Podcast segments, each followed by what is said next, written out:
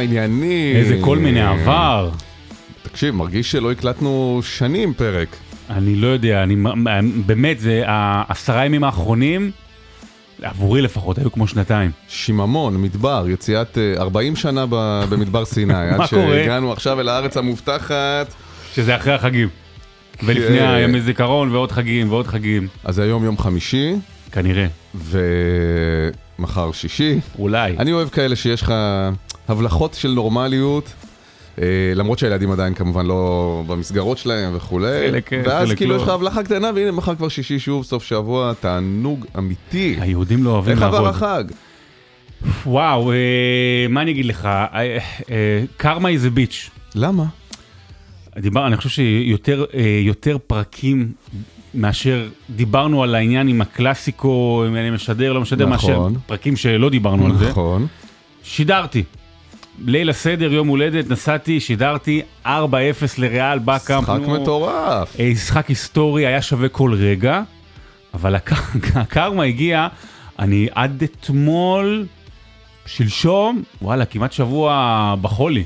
חולי אה. כזה מעצבן, אה, פה 40, פה סתם גוף חולה. מה, 40 חום? היה, היה, היה, היה, מה? לא התקשרת, לא שאלת. לא הייתי בארץ, אה, לא וגם פחות. אה, פחות התעניינתי גם, אני נכון, מודה, אבל אה, 40 חום זה לא לא קל. לא קל, וזה לא... תגיד לי, מי-. היה הפרשן? של החול? של החום? של הקלאסיקו. של הקלאסיקו. אושרת עיני. ו- ואגב- ו- אה, אולי נדלקת. ממנה. האמת שלא יודע, היא נתנה לי, היא נתנה לי בלונים, כולל, אה, לא, היה פתוח, לא היו קיוסקים פתוחים או דברים זה, אז היא קנתה בלון של אה, בת מצווה. ליום. הולדת שלך שהיה גם. בסדר. כן. איך היה ב- בפראג? אה, רק אני אומר, ייתכן שאושרת היא האשמה במחלה שלך. היא- חסינה וחסונה, כן. ויכול להיות שווירוס שאותה דגדג, אה, אותך ריסק. אני יותר הולך על אה, אזורי, הייתי גם בפסטיבל לילדים בחיפה, שם הרבה ילדים עם נזלת, יש יותר סיכוי משם. איך היה בחו"ל? היה נהדר, הייתי בפראג, חמישה-שישה ימים, באופן מפתיע, יש מה לעשות בפראג אה, חמישה-שישה ימים. לחכות בחנויות? בלי קזינו, בלי זה, בדיוק, חצי יום חיכיתי מחוץ לחנויות, וחצי יום אה, אה, התשתי את הבנות שנסעתי איתן אבל, במוזיאונים וטירות. אני קצת מאוכזב, אני חייב לומר. למה?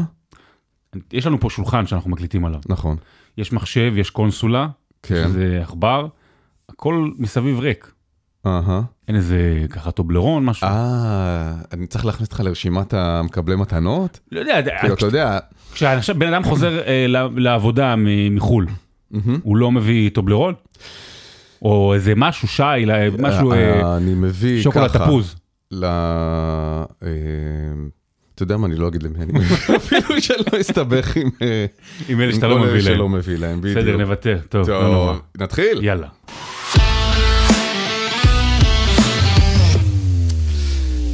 טוב, אז uh, נתחיל במילון, והשבוע, uh, בעצם השבוע התחיל בדי הכרעת האליפות uh, לטובת uh, מכבי חיפה, uh, פנדל בדקה ה-102, שכבש ערן זהבי במשחק מול הפועל באר שבע, ערן זהבי מכבי תל אביב כמובן, די הרחיק את, ה- את הפועל באר שבע מהאופציה לזכות באליפות.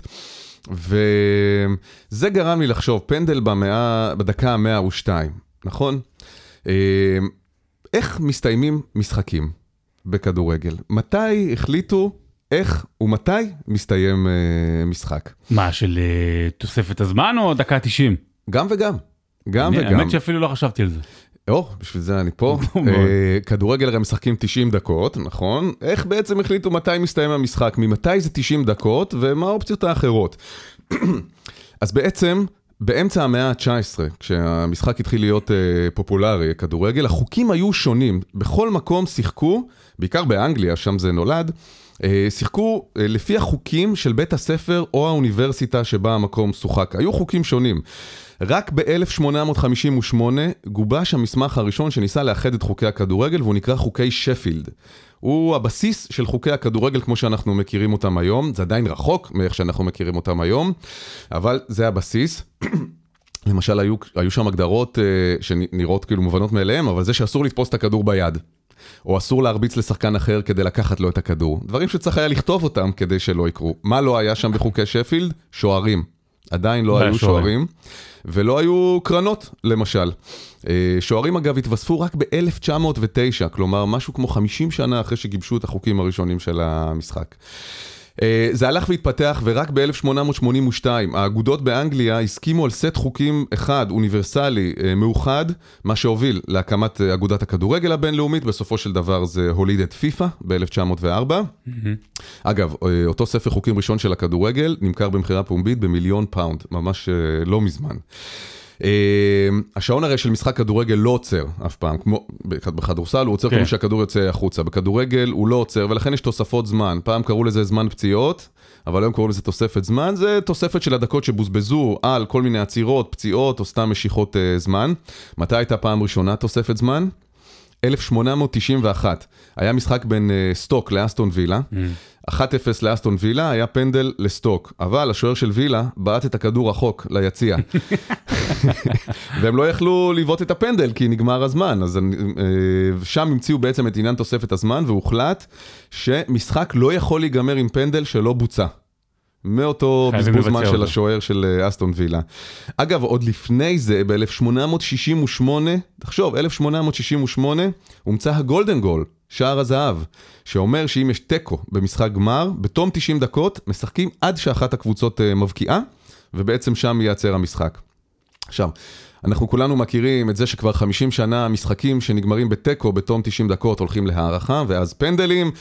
תמיד כיף לחזור על אה, פרט הטריוויה הידוע איך בסוף שנות ה-60 שני עסקנים ישראלים הציעו לפיפ"א את הפנדלים כדרך להכריע תיקו, אבל כן חשוב להזכיר שלפני שהמציאו את הפנדלים הטילו מטבע כדי לקבוע מי ינצח אם יש תיקו גם בהערכה.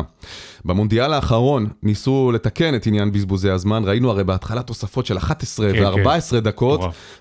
זה היה לא מוצלח, זה היה גחמני, ובעיקר לא הייתה שום אחידות בין המשחקים, לא ידעת למה לצפות וכמה יוסיף שופט ספציפי במשחק ספציפי, זה התחיל בשלבים המוקדמים, אחר כך זה דעך ככל שהתקרבנו אל הגמר וחזר אל הפרופורציות שאנחנו מכירים היום. אגב, אמירת צד לטרחנים כמוני, אה, טעות נפוצה, נפוצה, שאנשים אומרים בדקה ה-99, מתוך מחשבה שזה רגע לפני 100, אבל בעצם כל מי שמכיר כדורגל יודע שזה הביטוי הנכון הוא בדקה ה-90. שזה אומר שנייה לפני שהשופט שורק. אז עשיתי גוגל על בדקה ה-99, ואתה רואה מלא צימרים, בדקה כן, ה-99, כן. מוניות בדקה ה-99, ידיעות עיתונאיות על דברים שקורים בדקה ה-99. אבל כמובן שזה בדקה ה-90, וזה הביטוי הנכון. ואם חוזרים לשאלה המקורית, ממתי משחקים 90 דקות, אז... או. ב-1866, זוכר את אה, חוקי שפילד, המסמך הראשון, זה לא היה כתוב שם. היו קיימברידג'. גם חוקי FA, שזה ה-Football ה- Association, שהם היו קצת שונים, ואז עשו משחק היסטורי בין קבוצה ששיחקה את חוקי שפילד לקבוצה ששיחקה את חוקי FA, ושם הסכימו בפעם הראשונה שהמשחק יארך 90 דקות. ב-1866, זה, שם זה אומץ כזמן התקני של משחק כדורגל, 157 שנים משחקים 90 דקות.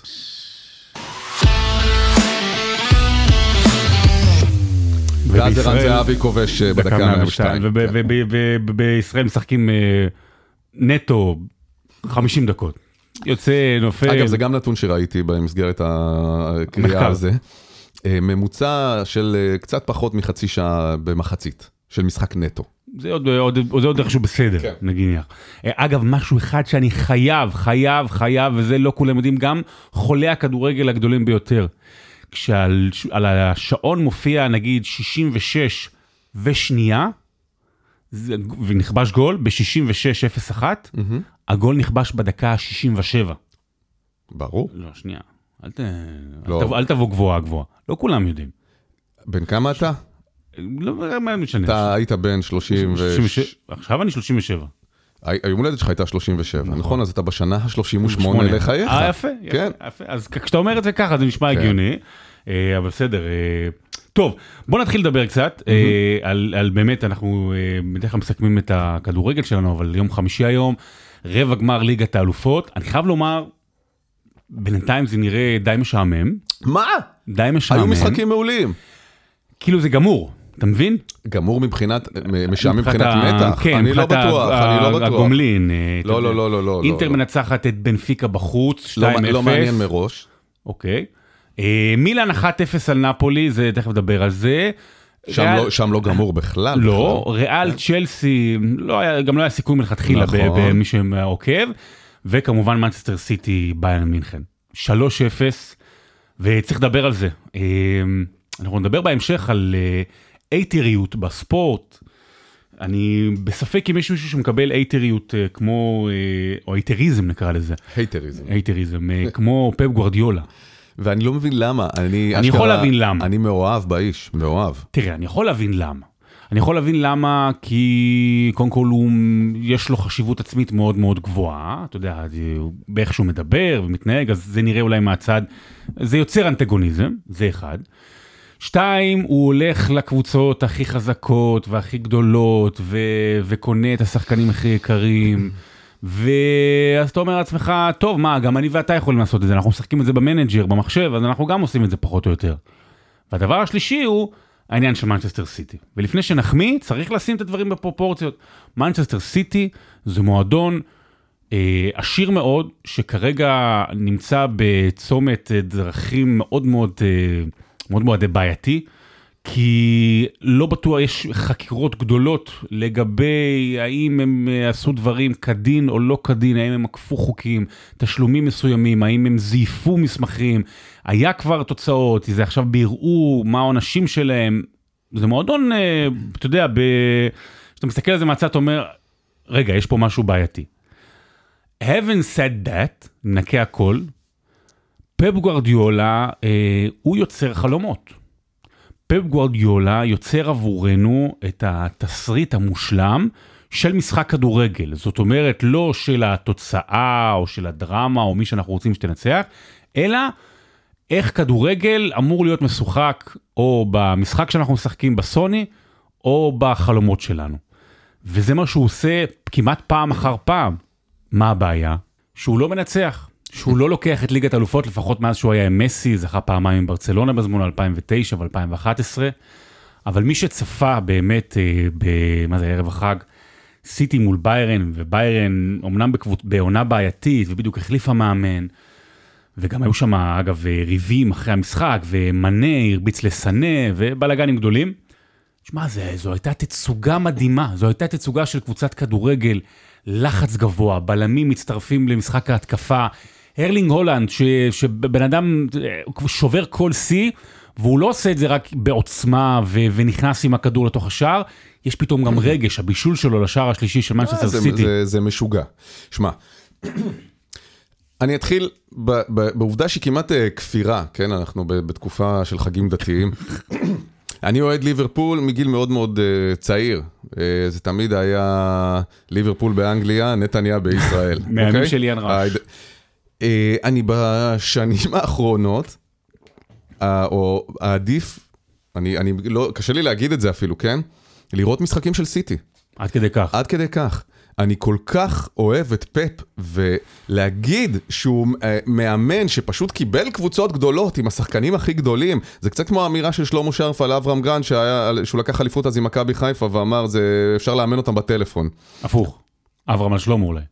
אה, נכון, לא אברהם, נכון, לא, לא, בשנת 2000, שלמה. כן, כן, 2000, 2001. אמ, אז זאת, זאת אמירה כמובן שהיא מתעלמת מהמציאות, אנחנו רואים המון קבוצות עם כוכבי ענק שלא מצליחות לעשות שום דבר, תראה את פריס סן ג'רמן, זה אוסף של שמות, דיברנו על זה באחד הפרקים הקודמים.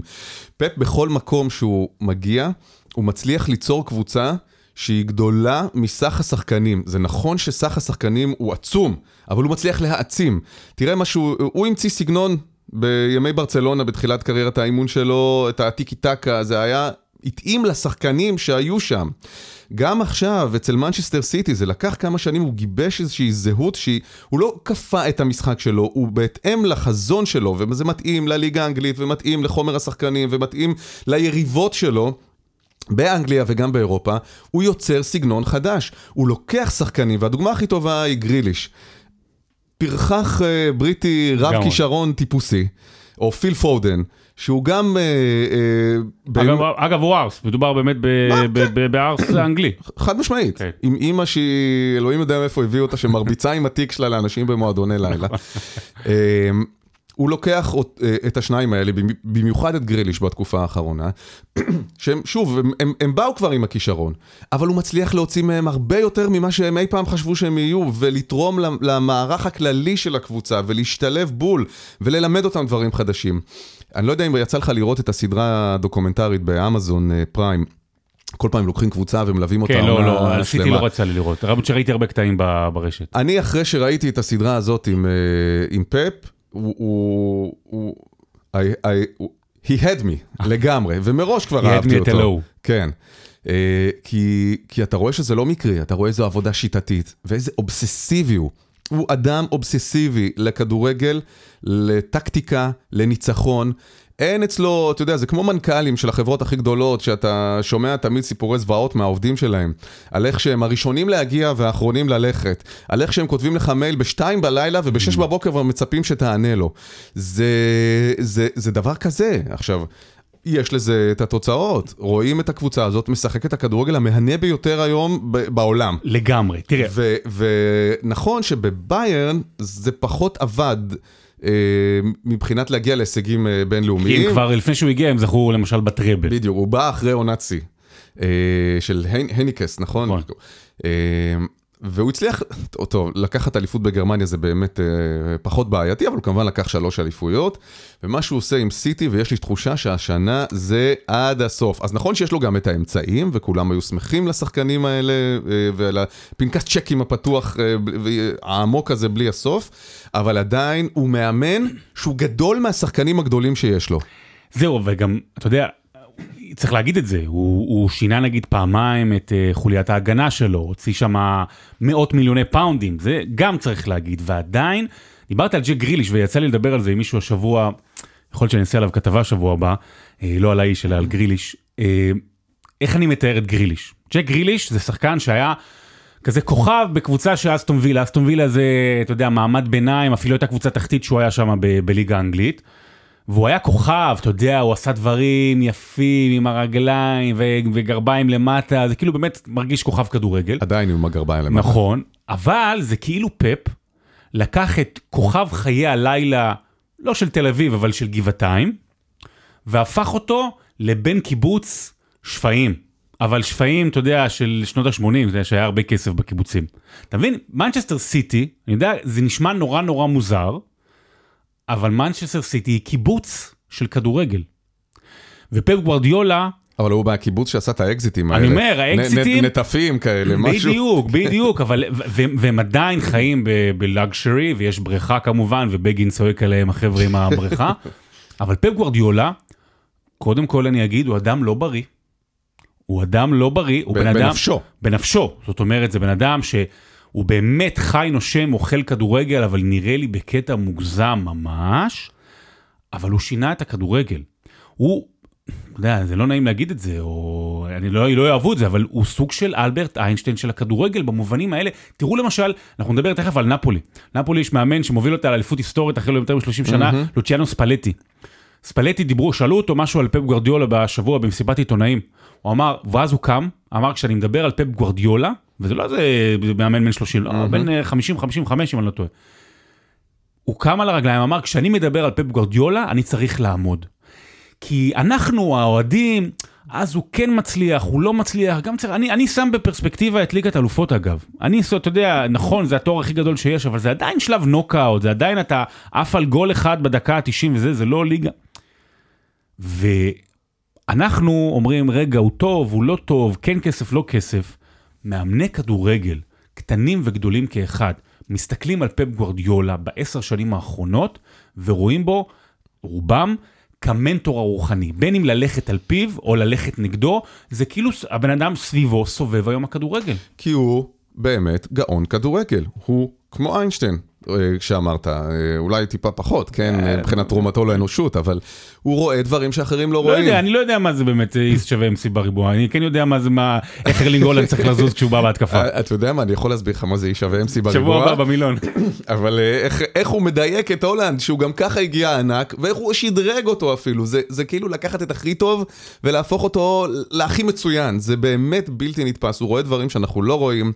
הוא, בגלל זה היה לו חיבור טוב עם מסי. הרי מסי ככדורגלן, רואה חמישה-שישה מהלכים קדימה. ראינו את זה אפילו בא לידי ביטוי במונדיאל האחרון, אתה יודע, בכל מיני רגעים שהוא העביר פסים פשוטים בין שישה שחקנים, שמי מלבדו בעולם הזה היה יכול לראות את הקו הזה בראש שלו, לדמיין את הקו ו- ו- ו- ולדעת בדיוק איפה כל שחקן מההגנה ילך. כן. זה, אלה שחקני שחמט, מסי וגוארדיולה, היה להם חיבור מדהים כשהם היו בברצלונה, היו להם שיחות ארוכות אל תוך הלילה, כמובן על כדורגל, כן? למרות שפפ, וזה גם חשוב להזכיר, הוא אדם רחב אופקים. מאוד. מאוד. בכל מקום שהוא מגיע הוא לומד את השפה, הוא מבין בתרבות, הוא מבין בהיסטוריה, ואני חושב אם שזה... כי האהבה שלו למוזיקה היא קצת בעייתית. למה, את מי הוא אוהד? חינום ניני. הוא בא לפה פעם בארץ, לארץ במיוחד כן. כדי לראות הופעה של החינום אה, ניני. באמת? בחיי. וואו. הוא ממש אוקיי. מעריץ שלה. אחלה, אתה בסדר. יודע, לכל אחד יש את בסדר אכילס. שלו.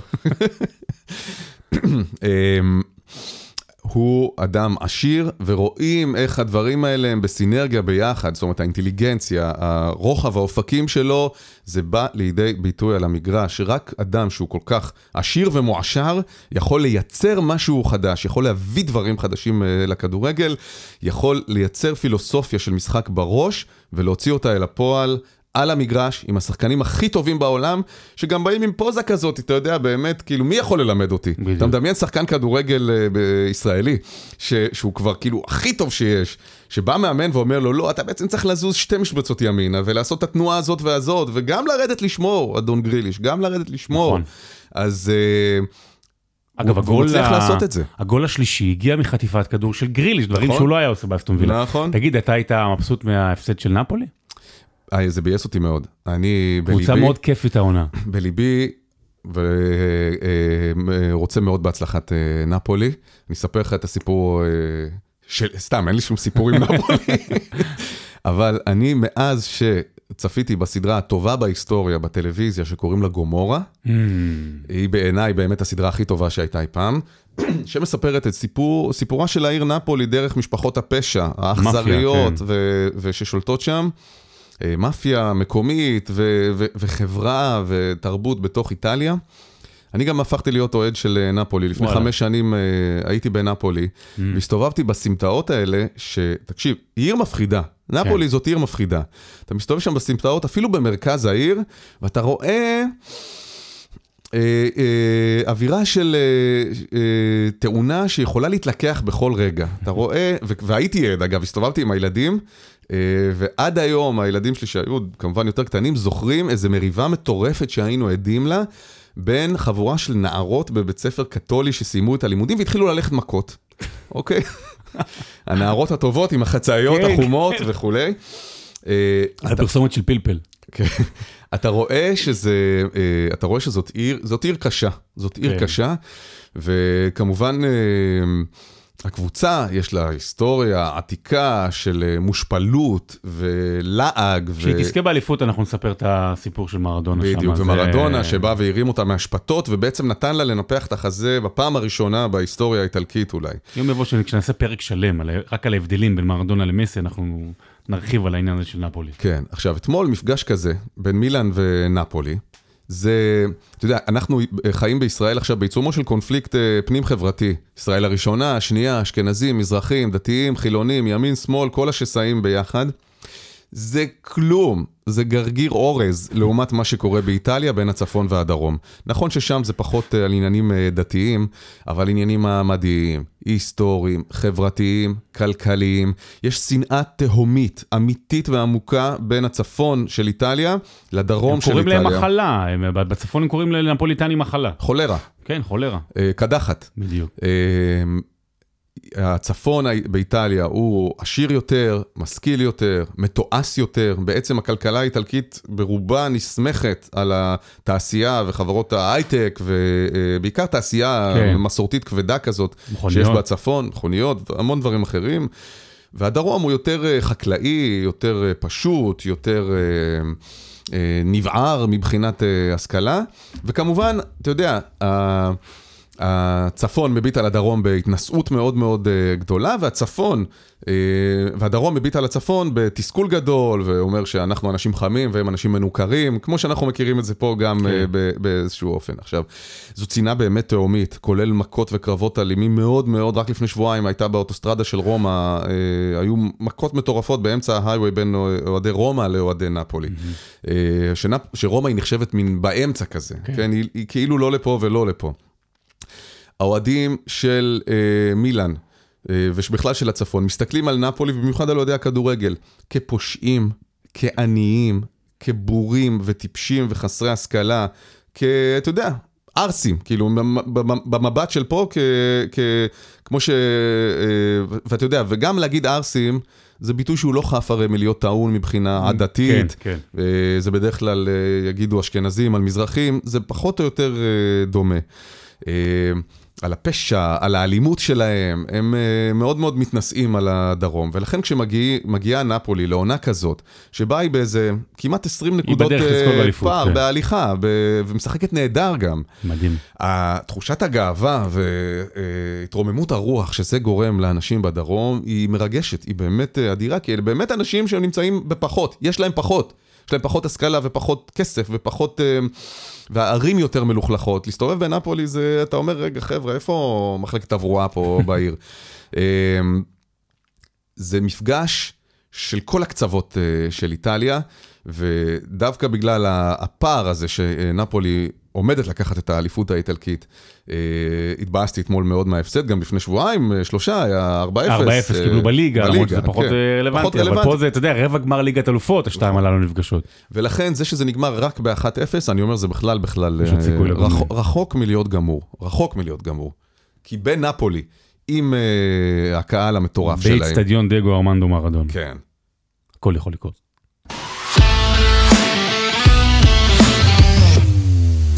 זה, זה נושא שאנחנו, כשהיא תזכה באליפות זה...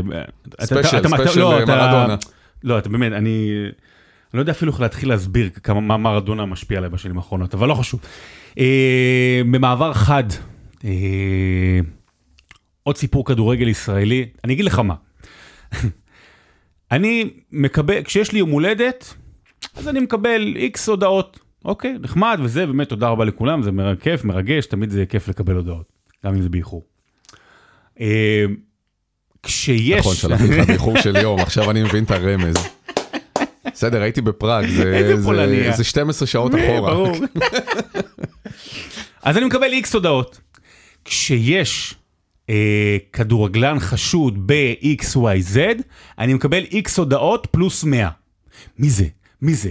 מי האמת? ואני לא נמצא, אני לא עובד בגוף מערכת וזה, אבל אתה יודע, אני יודע את מי לשאול והכל, ותמיד, ושואלים אותי, ו- וכל פעם מחדש. ולפני, מה זה, יומיים, שלושה, עוד פעם אה, מקבלים הודעות, וכל המדינה רועשת וגועשת, מי הכדורגלן, מי הכדורגלן. והאמת, סיפור לא נעים בכלל. בוריס קליימן, אה, שוער ישראלי, בן 30-31, משחק, שיחק בוולוס היוונית בשנה, שנתיים, שלוש האחרונות. לפני זה שחק בקפריסין. כי שיחק בפריסין, היה בעבר בהפועל תל אביב, הוא בית"ר בעיקר ירושלים, מזוהה עם הוא- בית"ר, אני חושב. כן, כן, אבל אה, כאילו שיחק, אה, הוא שוער טוב, היה גם כמה פעמים בסגל אה, בסגל הנבחרת. פעם אחת, אני חושב. כן, שוער טוב, סך הכל. ש... אגב, יצא לי, אני, יצא לי במסגרת התוכנית של 103 FM לפני כמה חודשים לדבר איתו, לפני שהיה איזה מפגש עם קבוצה יוונית, אז הוא סיפר קצת והוא אמר, כל כך טוב לי ביוון, אנחנו המשפחה, אנחנו רוצים להישאר, הוא אמר, אנחנו רוצים להישאר ביוון, גם אחרי הקריירה אני רוצה להישאר וואלה. ביוון. כן, הוא אמר, אני רוצה להישאר גם אחרי הקריירה. וכרגע הבן אדם נמצא במעצר, על אה, חשד לאונס, או אה, ניסיון אונס, יותר נכון, אם נדייק, והחזקת סמים, ובאמת הסיפור הזה מתגלגל בצורה בלתי רגילה. עכשיו, קודם כל נגיד בהתחלה, בהתחלה דובר על אונס של ילדה בת 14 והחזקת הרואין.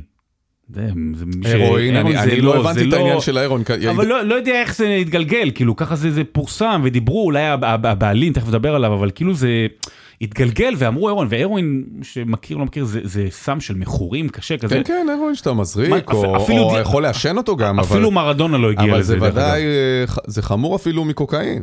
ברור, ברור, אני אומר, מרדונה אפילו לא הגיע להרואין. כן. לפחות לא- אה, שידוע- לא- לא כן. בשנות המשחק. נעשה פרק על זה. אה, בסוף זה התברר שזה, אוקיי, זה, הסם הוא כן קוקאין, שוב, לא ברור איך זה אצלו, לא אצלו, שזה ניסיון אה, שהיא לא בת 14, בת 17 עדיין, אבל כמובן זה פלילי. ומה שקרה זה שהבעלים של וולוס מיידית שחרר אותו מהקבוצה, הוא נמצא כרגע במעצר, שמו אותו במעצר מיוחד באג... ליד אגף נשים, בגלל שמפחדים שיעשו לו משהו באגף גברים. Mm-hmm. יש בדיקות DNA כרגע, שתתברר רק בעוד כשלושה שבועות, ואז בעצם כן. ידעו, אתה יודע... עכשיו יש כמה עניינים עם הגרסאות, גם עורך הדין שלו, יש לו עורך דין ישראלי ועורך דין יווני, הגרסה אומרת, שלהם, שהיא יזמה את המגע המיני, שהיא הלכה אחריו אה, לשירותים, שהסם לא שלו כמובן, שאתה יודע, הולך להיות עכשיו איזשהו מין קו גרסאות. בוא נשים את זה בצד. אוקיי. אה, ובוא נהיה באמת עם מה שחשוב בשנים האחרונות, וזה להיות בצד של המתלוננת ושל הקורבן, וזה, וזה הדבר הנכון. אבל יש פה שאלה אתית, והיא מחזירה אותנו גם לנושא בזמנו עומר אצילי ודור מיכה. יש פה שאלה אתית ש, שצריך לשאול, אה, אני חושב שהיא כמעט לכל תחומי החיים. האם נכון היה מצידו של הבעלים של וולוס, אגב, יש פה שאלות הרבה יותר חשובות, אבל במסגרת הספורט אנחנו נתעסק בזה, אה, ישר להיפטר ממנו, ישר לשחרר אותו, ישר, עוד לפני שנבדקו ההאשמות, לפני שאנחנו יודעים מה בדיוק קרה שם, לפני שיש בדיקות אפילו מדעיות שיכולות לאושש מה היה או לא היה שם, mm-hmm. הבן אדם ישר מוצא כקורבן, ואני כן בכוונה אמרתי את ההתגלגלות של הסיפורים, איך פתאום ממשהו מאוד מאוד מאוד מאוד מאוד מאוד מאוד חמור, זה הופך למשהו חמור מאוד. אוקיי, יש עדיין כן. הבדלים. אה, וזו שאלה שאני, אני, התשובה אליה היא מורכבת מאוד. תראה, אני חושב שזה אה, שהבעלים של הקבוצה חתך אותו באופן מיידי, זה מאוד בעייתי. מאוד בעייתי, כי עוד לא הוכח כלום, עוד לא, הוא אפילו לא הודה, אתה יודע, גם אם הוא אה, יודה בזה שהוא שכב עם הנערה, אבל זה לא היה בכוח, שזאת הרבה פעמים, אה, כלומר, לא היה אונס. אלא זאת אסטרטגיה, אתה יודע, ללכת, אה, זאת אומרת, כן היה סקס, אבל לא כפיתי אותו עליה, אז אה, משפטית יכול להציל אותו, כי בוא נגיד, כרגע הוא מתמודד עם לשבת בכלא או לא לשבת בכלא, פחות חשוב אם הוא יהיה בקבוצה או כן, לא יהיה בקבוצה. אה, אפשר היה לחכות עוד, עוד קצת, כי גם אם הוא יגיד, אתה יודע, מה השוער של קבוצה עושה בבר, אדם נשוי עם ילדים. הוא דיבר על זה גם, כן. מה הוא עושה בבר, מפלרטט עם נערות בלגיות, בבנות 17 פלוס, מינוס. אה, גם על זה אפשר כאילו להעיף אדם, זאת אומרת, כי, כי להעיף אדם אה, מקבוצה זה עניין גם של, של מוסר, ל... ומוסר ואתיקה. זהו, ואז כן? זה מחזיר אותנו לגולדהר ומכבי תל אביב. כן, אבל שם זה היה אחרת. שם בוודאות הם היו קטינות מתחת לגיל 16 נדמה לי. שם, ו, ו, וגם גולדהר לא מיד העיף אותם. שנייה אתה צריך לראות מה הגרסאות, מה קורה. כי אם מדובר באיזה מין עלילת דם, כאילו, אתה יודע, מונפצת לחלוטין, אז תן גיבוי לבן אדם. אבל אם אכן עשה את הדברים, אפילו אם זה לא מגיע לרף הפלילי, אין לו מקום בקבוצה. אז זהו, זה העניין, כי שם למשל, הרי זה קצת מרגיש, סליחה, קצת מרגיש שהוא רצה להיפטר ממנו וקפץ על ההזדמנות. יכול להיות, למרות שהוא כן להבנתי נותן עונה טובה, לא שראיתי אותו יותר מדי. אה, אתה יודע, באצילי ומיכה, הרי בסופו של דבר התיק נפל. אה, מחוסר אה, חוסר, חוסר אשמה, חוסר אשמה, אם אני זוכר נכון את המינוח. אחרי זה זה התגלגל עוד פעם, וראינו כמה זה, הפרשה הזו לא, לא מתה, היא קמה בתחייה כן. כמה פעמים, וגם אם היא לא עברה את הרף הפלילי, מבחינת הרף הציבורי, אני חושב שאתה יודע, אין, אין, פה, אין פה בכלל אה, ספק. אבל נשאלת השאלה, האם מקום עבודה אה, הוא שופט? יש לנו, אני, אני לא אכנס לפוליטיקה, אבל יש לנו ראש ממשלה שמואשם אה, בחשדות, אוקיי, שהוא כאילו עושה את הדברים שלו בזמן שהוא בבית משפט, כתבי כן. אישום. אמ, ולא מעיפים אותו מהתפקיד. יש אה, שר עם שלוש הרשעות. כן. אסיר משוחרר, אוקיי. אה, השאלה האם אצל ספורטאים... היד צריך, בגלל הדמות, בגלל החשיפה שלהם, בגלל, האם האצבע צריכה להיות הרבה יותר קלה על ההדק? אני לא חושב שהיא צריכה להיות קלה על ההדק, קלה זה מבחינת המהירות. אני כן חושב okay. שהיה צריך לחכות לראות מה קרה שם באמת, ואם אכן קרה הדבר, וכמובן זה אפילו, וזה אפילו לא באיזשהו רף פלילי, אה, אין לו מקום בקבוצה, שחקנים הם אה, מודל ל, לילדים, ל, לאחרים, זאת אומרת, אתה כן מצפה שיהיה איזשהו קוד של התנהגות. גם אתה במקום העבודה שלך, אם אתה תבייש אותו בפומבי, יכולים להגיד לך, לך, אתה כבר, אנחנו לא רוצים אותך. כי מקום עבודה, בטח קבוצת כדורגל, שזה ביזנס שהוא ניזון מקהל ומתדמית, ואף אחד לא רוצה כתמים מוסריים אצלו, אצלו במשרד, או בחברה, או בקבוצה.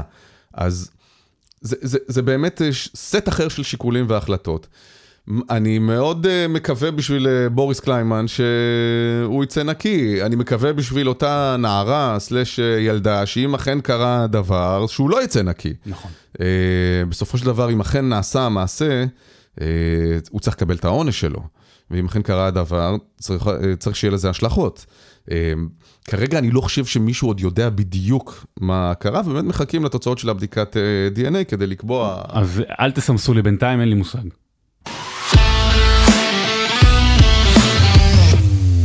רצינו לדבר על uh, עניין של גזענות במגרשים, אני חושב שנשים את זה לפעם אחרת, יש ברוך השם, אל תדאג, עוד יהיו הרבה זמן, כל שבוע יהיה, אפשר, אל תדאג, יהיה אפשר נושא מעניין. באיטליה, אבל נשים את זה שנייה בצד.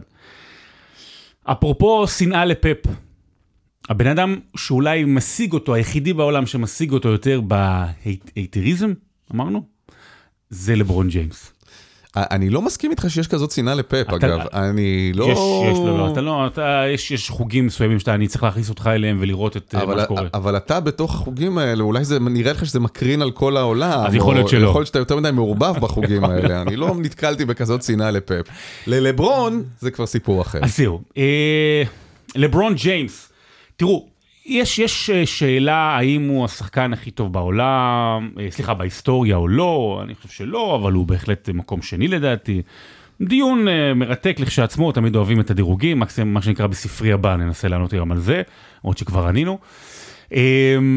והשבוע אגב אה, התחיל ה play-in, שזה הרגע לפני הפלייאוף, בשבת התחיל הפלייאוף של ה-NBA, שזה העונה האמיתית, ובאמת הרגעים ההיסטוריים תמיד מובנים שם, והלייקרס, למרות אגב פתיחת עונה נוראית, פתחו עם שני ניצחונות ב-12 המשחקים הראשונים, הצליחו להשיג עכשיו את הכרטיס אה, לפלייאוף, כשבאותו play-in, שזה כזה טורניר כאילו לפני הפלייאוף, כן. הם אה, מנצחים את מינסוטה. אה, והעליתי איזשהו סרטון בטוויטר לגבי אה, המהלך של לברון ג'יימס. עכשיו תראה, באמ- באמריקה יש את דמות הגיבור. ודמות הגיבור חייב לקחת את המלחמה על עצמו. זאת אומרת, זה לא שהארמיה השישית של אה, פלטון אה, לא, לא, זוכה, לא לוקחת את... אה, אה, זוכה ב... נו, לא זוכה. מביסה את גרמניה, אלא זה מישהו אחד, אתה יודע, זה רמבו, אני יודע מה. וככה גם בכדורסל, בפוטבול, בהכל בכדורסל. ותמיד זה היה מייקל ג'ורדן וקובי בריינט וכאלה שברגעים המכריעים לקחו על עצמם וזרקו זריקות מסובכות מול ארבעה אנשים וכלאו והשבח למנצח, מה שנקרא, שירי הלל. ולברון ג'יימס הוא אחר. לברון ג'יימס, במהלך הזה, ובעוד עשרות, אם לא מאות אה, מקרים בקריירה המאוד מאוד ארוכה והעשירה שלו, הוא נכנס פנימה לתוך הסל, באים אליו שחקנים, הזריקה שהוא יכול להוציא היא נגיד ב-30, 35 אחוז אה, סיכוי שהיא תיכנס, והוא מוסר את זה לשחקן שהוא קלעי שלשות טוב, מהפינה, שבגלל המצב שנוצר בהתקפה הוא גם לבד לגמרי, ואז הסיכוי צומח ל-40, 45 אחוז. והוא נתן לו את זה לדני שרודר מהלקרס, שקלע. היה שם בסוף גם הערכה וזה, אבל זה כאילו סוג של סל המנצח, זה- זה ניצחו, הרגע כן, המכונן זה הרגע של המכונן. של המשחק. ותשמע, כמות השנאה שיש ללברון היא בלתי רגילה, זאת אומרת, אומרים, רגע, הוא נכשל בקלאץ', רגע, הוא בורח מהאחריות, הוא נותן את זה לאחרים שיעשו את זה בשבילו. הנה שוב עוד דוגמה איך לברון צריך שיצילו בשבילו את, ה- את, ה- את הסיטואציה. עכשיו, לברון, הוא הביא את זה על עצמו, את השנאה. הוא קצת, הוא קצת הרבה, הוא יהיר מאוד, הוא שחצן, הוא עבר לפה, הוא עבר לשם, אתה יודע, הוא לא כמו מייקל נשאר בקבוצה אחת או קובי בריינט רק בקבוצה הוא אחת. קורא לעצמו קינג ג'יימס. מהרגע הראשון, עוד אה, עוד מהתיכון. מהתיכון, כאילו כבר היה קינג ג'יימס, אז אתה יודע, אז כשבן אדם כן, בסדר, זה- self-called מגלומניה חיננית כזאת בעיניי. נכון. אבל זה מדהים איך לאנשים יש אה, אה, קריאה לא נכונה של המציאות. כי מבחינת מספרים, והרי בכדורסל אפשר בקלות לבחון את זה, מבחינת מספרים, מספרי הקלאץ', אוקיי, קלאץ' זה דקה אחרונה, הפרש של שלוש נקודות לפה או לשם, אה, לקלוע, להוריד את ההפרש או לנצח את המשחק, אתה יודע, מאני טיים. לברון עוקף בהרבה את קובי בריינט, באחוזים, גם בכמות. אפילו מתקרב למייקל ג'ורדן, זאת אומרת, לברון הוא במקום השני בדברים האלה. קובי נתפס לאנשים, אתה יודע, כאיזה דמות אה, מיתית, כי תמיד, אתה יודע, הוא motherfucker כזה קשוח אה, והוא עושה הכל לבדו. אבל וואלה, לברון עושה את הפעולות הנכונות יותר במהלכים הללו. והיה השבוע, ואני מתנצל שאני מעלה את זה פה. אתם, אתם, באקטואליה מתמודדים עם הדבר הזה שנקרא fake news 10, 15 שנה, fake news ברמה הארדקור שלו. אצלנו בספורט זה הרבה יותר. מעלה אדון, סליחה, באמת, אדון נאור ציון. כן. איי איי איי, לא, סתם, אני באמת, בלי זה. יש לו, הוא בטיקטוק שלו, יש לו הרבה מאוד עוקבים, סבבה, הוא אוהב NBA, נכון. הוא העלה השבוע סרטון, או לפני שבועיים, שהוא מראה למה לברון לא יהיה הכי גדול בעולם. אפרופו האיטריות.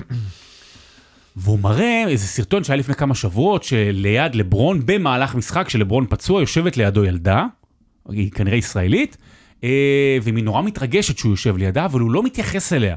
למרות שהמצלמות שם והכל. ואז הוא אומר, תראו, כאילו איזה אפס הוא, איך הוא לא מתייחס. והוא מראה איזשהו קטע מהריקוד האחרון של מייקל ג'ורדן, שילד רץ בכביש למכונית של ג'ורדן כן. וקיבל ממנו חתימה. כן. עכשיו, קודם כל, הוא הצטלם איתה בסוף, לברון. אם יש דבר אחד שאפשר, שאי אפשר לומר לברון שהוא בן אדם, הוא באמת, הוא, הבן אדם 20 שנה בשיא של השיא. הוא לא, אין, אין עליו שום דבר רע. חוץ מזה שאולי הוא קצת לא נחמד אה, פה ושם לאנשים, הוא לא הימר, לא שתה, לא בגד, לא ירד על אף אחד. גם עושה המון פעולות uh, צדקה, ומקים בתי ספר, וכל מיני מוסדות, ותורם. דברים מטורפים, uh, מטורפים. כן. ומייקל? מייקל השחקן הכי גדול בהיסטוריה, אני מסכים. מייקל שחקן הקלאץ' הכי גדול בהיסטוריה. מייקל הוא הספורטאי הכי גדול בהיסטוריה. והוא גם כנראה ה douchebag הכי גדול בהיסטוריה. באמת, מייקל ג'ורדן, להגיד עליו שהוא יותר נחמד מלברון ג'יימס, זה כמו שתגיד על... אה, ש, ש, שסטלין היה יותר נחמד מבן גוריון, אוקיי? ברמות כאלה.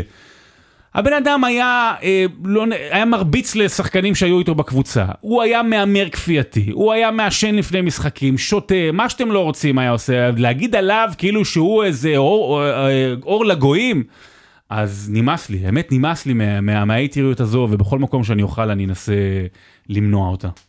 וביום שבו נקבל שיעורים מנאור ציון על אה, נחמדות או התנהלות אה, תקינה, כולנו יכולים לפרוש. אז זה האיי איי איי הזה. מה, אתה לא מכיר, מה, בובה של לילה, ירון ברלד מחכה, ימינה אתה צלם. נכון, נכון. אני לא, האמת שזה מצב, אני לא יכול, אגב, אולי התקופה שהוא נורא הצחיק אותי נאור, אבל אה, אני לא יכול להסתכל כאילו בלי לחשוב על החיקוי של ברלד. אני שואל אותך שאלה כזאת, אתה הולך בקניון רמת אביב, מולך במעבר אחד מגיע לברון ג'יימס, מעבר שני נאור ציון, איפה תלך? במעבר שלישי מגיע ירון ברלד, אני רץ קופץ על ברלד. אה, טוב, אתה יכול להסביר לי מה קורה עם הכדורסל הישראלי, שפתאום נהיה איזה להיט גדול אה, במפעלים האירופאים? כן, כן, אני יכול. תשמע, אנחנו חוזרים להיות top, אה, מכבי תל אביב הערב מול ריאל מדריד, חוזרת להיות top יורו-ליגי בשלב ההצלבה. אגב, באמת הישג נפלא למכבי תל אביב אחרי שנים. אומנם שנה שעברה היא הייתה, אבל זה היה בגלל הרוסיות שהורחקו. כן. השנה באמת, ועם עודד קאטה של הקווים, יש פה קטע מרגש, כשהיא תיכנס להצלבה אנחנו נדבר עליה יותר. הפועל ירושלים, שצריך לדבר על מה שהיה אתמול, וואו, היא נמצאת ברבע גמר סליחה, ה-BCL. עזוב, אני לא, אני לא אעלה אותך כי גם זה נוראי לי מה קרה במפעלים האירופיים בכדורסל. זה, אין גוף יותר רקוב מאשר דבר שנקרא כדורסל אירופי. באמת, ב-20 שנה האחרונות. זה התפצל לרסיסי מפעלים שבעצם כל קבוצה היום יכולה לשחק באיזשהו מפעל אירופי. יש קבוצות מהמקום ה-17 בליגה האיטלקית, שאוקיי, משחקות כאילו כן. במפעל כזה או אחר, לא חשוב. אבל, אבל בוא נרוץ רגע על הסיכום של הקבוצות הישראליות, כי באמת זה הכל מתחבר פתאום השנה. מכבי תל אביב top יורוליג מגיע כן. לשלב ההצלבה. הפועל ירושלים, משחק אחד מאולי לעלות ל final 4 של ה-BCL, זה של פיבה, אה, והפועל תל אביב. זה ה Champions League, כן? כי זה נקרא Champions League, אבל זה כן. די מטומטם. אה, זה כמו שאנחנו, אה, נקרא לנו פה אולפני BBC, אוקיי? אנחנו יושבים פה בחדר קטן, נחמד, ונקרא לזה אולפני BBC, זה בערך אותו דבר. והפועל תל אביב אתמול מנצחת את ונציה. אה, בשמינית גמר היורו-קאפ, מעפילה לרבע גמר היורו-קאפ, שזה שמונה האחרונות במפעל, שממנו הזוכה אגב מעפילה ליורו-ליג, שזה מטורף. זה דבר. אבל יש לך שלוש קבוצות, שהן כאילו בטופ של כל מפעל אירופי שבו הן נמצאות. רק נגיד אתמול על מה שהיה בלאגן באתונה, ראית את הדברים? ראיתי מזעזע, מזעזע. זה... התקפה אה, אלימה ומטורפת ולאומנית נגד אה, אוהדי הפועל ירושלים שם. מישהו הסביר לי את זה שבגלל, יודע, לא, לא שהיו צריכים אה, טריגר, אבל כאילו בגלל שאוהדי הפועל ירושלים הלכו ברחובות שם והיו עם... אה, הדליקו אבוקות ברחובות אתונה, אבל באמת, זה, אפרופו האולטרס, גם דיברנו על זה פעם, זה באמת, זה גועל נפש. ה... כן, ובוא, אה, בוא, אנחנו צריכים לזכור גם שיוון ואתונה אלה מקומות אה, שיש בהם הרבה פרו-פלסטיניזם, נקרא נכון, לזה. נכון. אם מישהו זוכר בשנות ה-80, הבסיס של כוח 17, שזה היה הזרוע הביצועית של אש"ף, היא ישבה באתונה. וואי, נכון. אה, יש, אה, יש היסטוריה של אתונה והזדהות עם המאבק הפלסטיני, אה, יש, יש. היסטוריה ארוכה. אוקיי, ואני רוצה לדבר איתך דווקא על הפועל תל אביב, שאנחנו בספורט אחת מלווים אותם כל העונה, שנה, שבוע הבא הם בבדלונה. אתה מכיר את, אה, את המנכ"ל שלנו, הדר זהבי, לא? דבר איתו, שאולי נשלח אותנו לספרד שבוע הבא. אני מה? לא, לא אותי, אותך. אותי, כן, דבר איתו, אבל ת, ת, תגיד לו. סתם, אבל אולי ישלחו אותנו, נראה. אמ, יש פה עניין. הפועל תל אביב זה מועדון השני הכי גדול בתולדות הכדורסל הישראלי, או אולי לפחות היה כזה, תמיד היריבה הגדולה של מכבי תל אביב. שבאמת אה, התפרקה לה בתחילת שנות האלפיים, גם עם הפירוק של אוסישקין, גם עם מה שקרה לקבוצה, והקבוצה נעלמה, נמחקה בעצם. והיא הוקמה מחדש כהפועל אוסישקין בליגה ב', ולאט לאט עלתה את אה, כל הליגות, החזירה לעצמה את השם, וזה, והיא נותרה כקבוצת אוהדים. זאת אומרת, קבוצת אוהדים שהמנויים בה הם בעלי החלטה. הם גם משלמים ומממנים את הקבוצה בחלק מסוים, אבל גם יש להם החלטה, הם, אה, אתה יודע, קובעים תחילת העונה, למשל בעונה, בקיץ האחרון היה להוסיף עוד זר, פחות זר, אז יש על זה הצבעות. זה מדהים, זה דבר מדהים. כן. ובמשך המון שנים היא אמרה, אנחנו נשארים נאמנים לעקרונות שלנו. מה העקרונות שלנו, הפועל תל אביב החדשה? אנחנו, כן אה, חשוב לנו שיהיה בסיס ישראלי גדול. כן חשוב לנו שלא תה, לא תהיה כמות זרים גדולה. יש פה עניין של כדורסל ישראלי, ארבעה, חמישה, שישה, משלמים קנסות. כן חשוב לנו לא ללכת למפעל אירופי שמקבלים בו שריון, כמו שמכבי תל אביב ביולי, כי הם תמיד יוצאים נגד מכבי תל אביב, אתה יודע, אנחנו רוצים להגיע למקום שבו מקום שני מקנה לך את הכרטיס והכל והכל. אבל ראתה הפועל תל אביב שהם מדשדשים באיזה סוג של בינוניות בתוך הכדורסל שלנו ובכלל, ואמרה, רגע, אבל יש לנו בסיס גדול מאוד. יש לנו אולם עכשיו חדש, די טוב, אה, של אה, כמה, 3,500 מקומות, או 5,000 כמעט. בוא נעשה, בוא, בוא נגדיל, בוא, יש לנו כוח, בוא ננסה הלאה. ובקיץ האחרון אה, היא הורידה מהעקרונות האידיאולוגיים שלה. יש לה את כמות הזרים הכי גבוהה בארץ, סליחה, בתולדות המועדון, ואגב זה רק גדל וגדל, והוסיפו עוד אחד באוקטובר, והוסיפו עוד אחד לפני חודש, והיא שריינה את עצמה ליורו-קאפ. אה, ועוד כל מיני דברים, ואגב גם עשתה אדסטארט כדי לממן את הזר הנוסף שהיה בזמנו. אה, והיא נורא מצליחה. היא משחקת כדורסל יפהפה, באמת. היא מצליחה, כרגע בליגה, בליגה שלנו מקום שני. באירופה היא משחקת, אני אומר לך, באמת מדהים. היא מגיעה לרבע גמר, שזה כבר הישג, היא מפה, היא עשתה את ההישג שלה, מפה זה כל דבר בונוס, כי היא פוגשת קבוצה מאוד מאוד קשה בברצלונה, קוראים לה חובנטות בדלונה, פעם אלופת אירופה. ואגב, היא עושה את זה גם כשיש לה עדיין בסיס ישראלי מרשים. וזו מחשבה, זו שאלה, כאילו מחשבה, אם, אם, אם אפשר שנייה להזיז עקרונות אידיאולוגיים כדי לשחק את המשחק. תראה, הרבה פעמים אידיאולוגיה נגמרת כשמתחילה המציאות. תראה את בן גביר. תראה אחרים, כן? אתה יכול לבוא עם הרבה רעיונות נהדרים והבטחות גדולות, אבל זה לוקח אותך עד נקודה מסוימת. נכון. משם והלאה, אתה צריך אה, להתפשר ולהתכתב עם המציאות. והבסיס הישראלי הנהדר של הפועל תל אביב הוא מצוין עד רמה מסוימת, משם והלאה. מה לעשות, צריך שחקנים זרים, ואתה צריך טיפה, אתה יודע, להתגמש עם הרעיונות והאידיאולוגיה שהגעת איתה מהבית. עקרונות, כשהם יותר מדי נוקשים, בסופו של דבר הם נשברים. עיקרון צריך להיות uh, משהו מנחה, אבל גם לדעת להתפשר. בכל אופן, זה לא לוחות הברית שנחתו מהשמיים, זהו, זה העניין, כן? אתה במיוחד אצל אוהדי הפועל תל אביב, אנחנו מכירים את הסגנון של אוהדי הפועל תל אביב, כאילו העניין של ה... אה, העקרונות לפעמים יותר חשובים אה, מה... מהניצחונות. והנה, אולי זה, זה התהליך התבגרות של הפועל תל אביב כדורסל. ונסיים עם אה, רגע היסטורי כן. מאת שרון דוידוביץ'. אני אוהב. אה, אה, נשאר בתחומי הכדורסל. כן. חשבתי מה היה השבוע, מה היה השבוע. אתמול, ה-12 באפריל, מלאו 19 שנה לאחד ההישגים, אם לא הגדולים של הספורט הישראלי, אז בהחלט המיוחדים. תראה, במשך עשרות, במאות שנים אולי, מכבי תל אביב שלטה בכדורסל הישראלי. אוקיי, שלטה, שלטה, עשתה את שלה.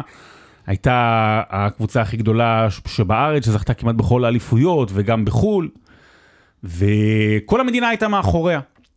והייתה את האליפות של גליל עליון ב-93, עוד נדבר עליה, אבל לקראת סוף שנות ה-90, כשהפועל תל אביב טיפה נשארה מאחור, קמה לה אלטרנטיבה חדשה. והאלטרנטיבה הזו היא הפועל ירושלים, עם אדי גורדון אה, האגדי ועוד המון המון שמות מוכרים, אז עם הגביעים, גם פיני גרשון היה.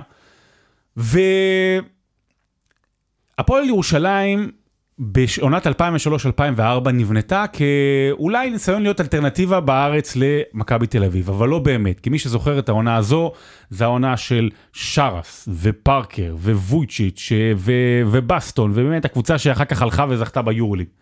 אבל קרה עוד דבר מדהים בעונת 2003-2004. הפועל ירושלים התמודדה ביורו-קאפ, מה שעכשיו הפועל אה, תל אביב, אז עוד היה יותר מסודר, אז היה ברור, המפעל השני בחשיבותו באירופה. ואתמול לפני 19 שנה.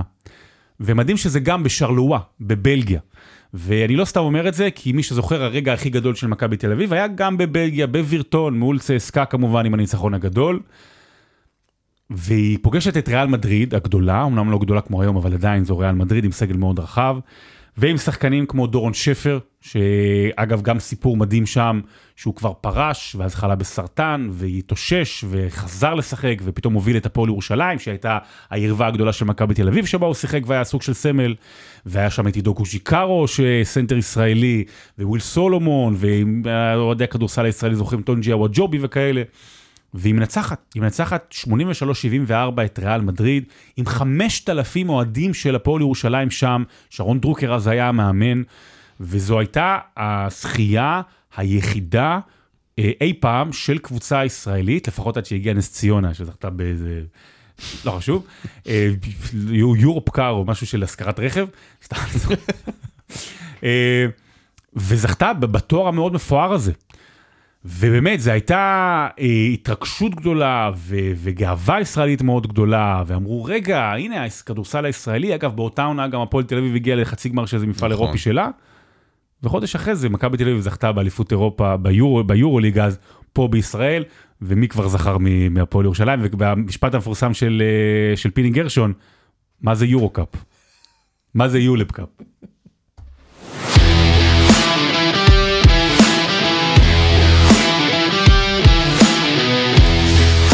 אוקיי, אז אה, וואו. סיימנו אה, את הבלחת הפסח הזאת. כן, היינו חייבים, צריך להגיד, אנחנו אמרנו, נעשה, לא נעשה. המצב הבריאותי, המצב המדיני, ביטחוני, ובאנו, התיישבנו פה. באנו, ואם אתה הדבקת אותי עכשיו, אוי ואבוי. לך. לא באמת. אוי ואבוי לך. אה, אז שבוע הבא חוזרים ליום הקבוע, שלישי. כן, כן, נעשה את זה, יום- השואה. אבל נעשה את זה או שני, או שנעשה את זה בלי צחוקים. אוקיי. יש לי גם סיפור ליום השואה בהחלט, ההיסטורי. נ- נביא גם אה, ערך מוסף אה, כמו בהקשר הזה. כמו תמיד. כמו תמיד, הרי מה אנחנו אם לא שעה של ערך מוסף? בקושי ערך, אתה רוצה שנהיה מוסף. יאללה ביי. ברמן, ביי.